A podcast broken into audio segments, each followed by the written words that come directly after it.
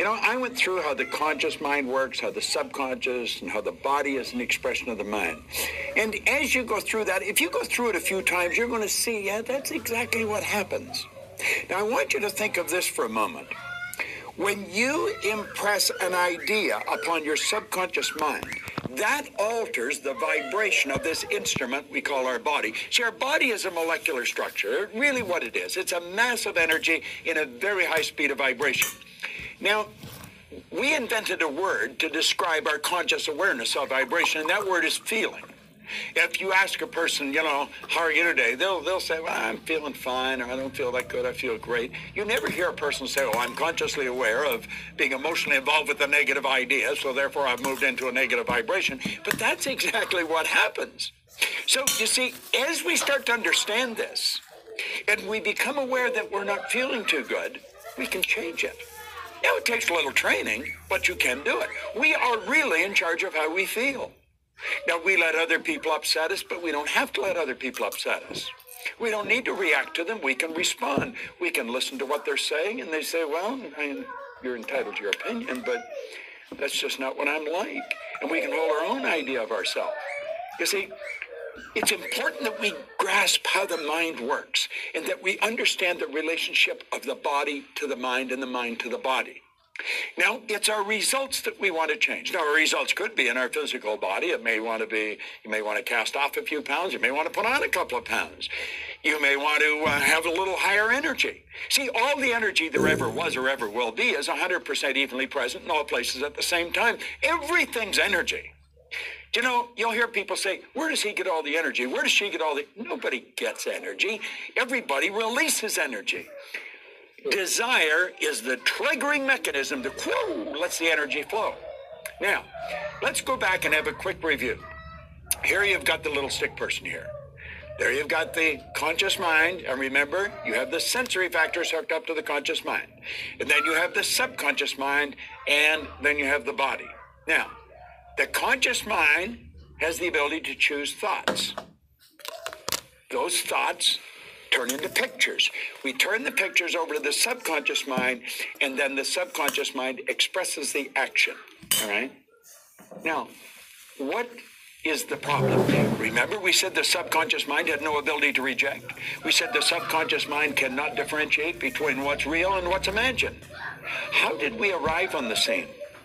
I'll tell you, when you arrived on the scene, you did not have any conscious faculties developed. The sensory factors weren't even developed. This is how you arrived. That's called the little life. That's the baby.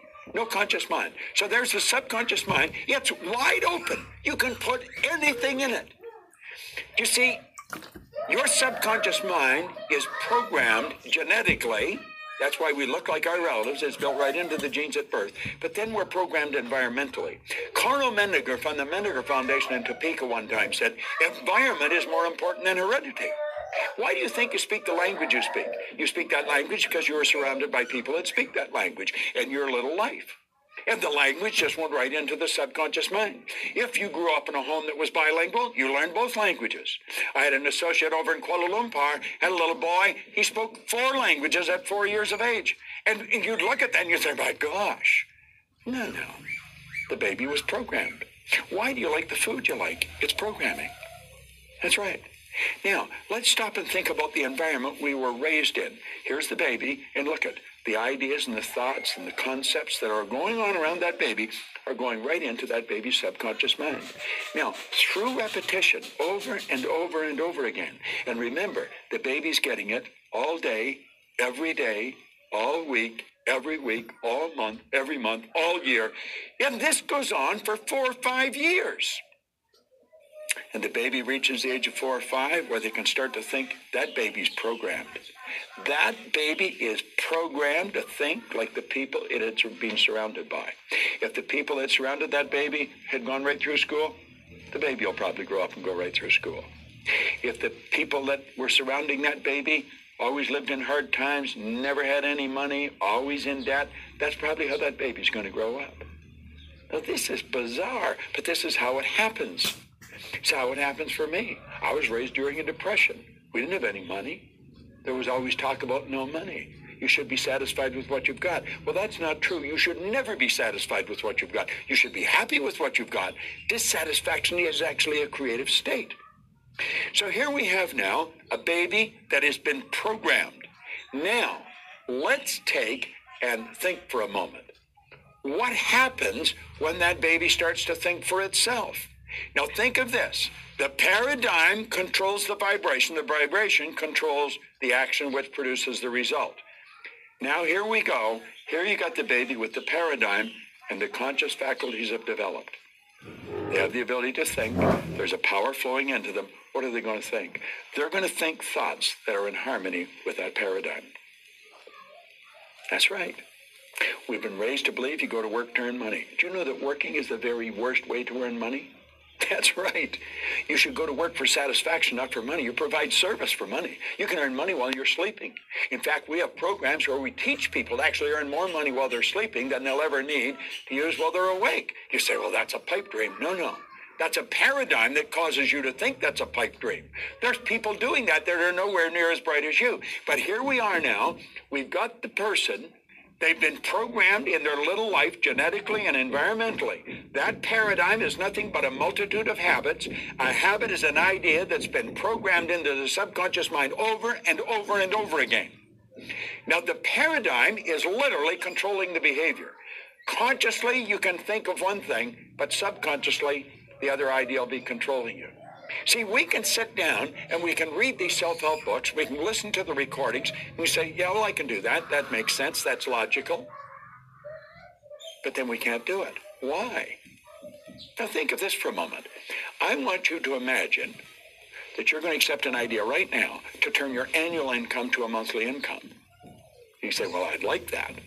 Will you do it? Probably not. Your paradigm will stop you. See, your paradigm literally controls the results. Now, let's think of how the paradigm was formed. The paradigm was formed through repetition. The ideas being planted in your subconscious mind. Now, understand your paradigm dictates your logic. Your paradigm controls how you utilize your time. Your paradigm controls your perception of situations. Your paradigm controls your effectiveness. Your paradigm controls the amount of money you earn. If you want to change your life, you must change your paradigm. Do You see, to most people, it's illogical that they could take and turn their annual income to a monthly income. But if you follow our teachings, we'll show you exactly how to do that. We'll show you how to accomplish anything you want to accomplish because what we're focused on is showing you how to change the paradigm. When the paradigms change, your life changes. It's a beautiful concept. It's an absolutely phenomenal concept. Now you know why you're getting the results you're getting. It has nothing to do with your intellect. Your intellect, you can figure out how to do things. But that doesn't mean you're going to do them. You'll hear people say, I believe that, but their behavior would indicate they've never even heard of it. Why? We believe something on a conscious level. On a subconscious level, the paradigm believes something else. There's a word called praxis. Praxis is the integration of belief with behavior.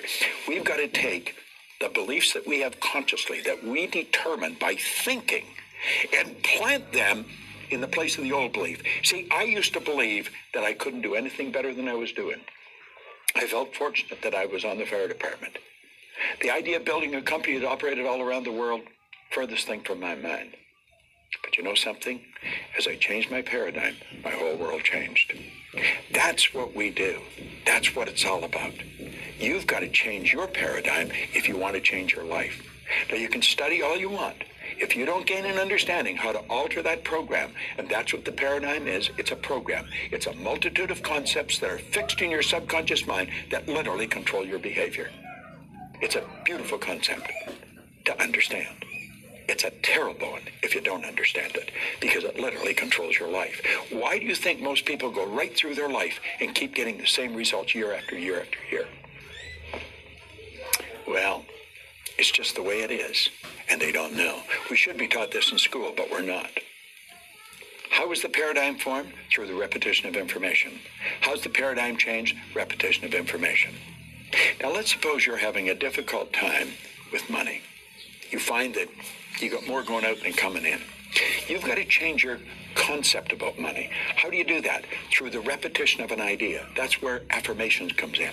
I'll give you one I've been using for years. I am so happy and grateful now that money comes to me in increasing quantities through multiple sources on a continuous basis. I am so happy and grateful now that money comes to me in increasing quantities through multiple sources on a continuous basis. You don't just say that once or twice. You've got to repeat that maybe a thousand times a day, every day for maybe 90 days. And you'll start to change your whole concept about money. Wealthy people all have multiple sources of income. Now, I'm going to tell you what happened to me. I drove around with a battery operated record player and a long playing record. And I played it over and over again every day for probably a couple of years.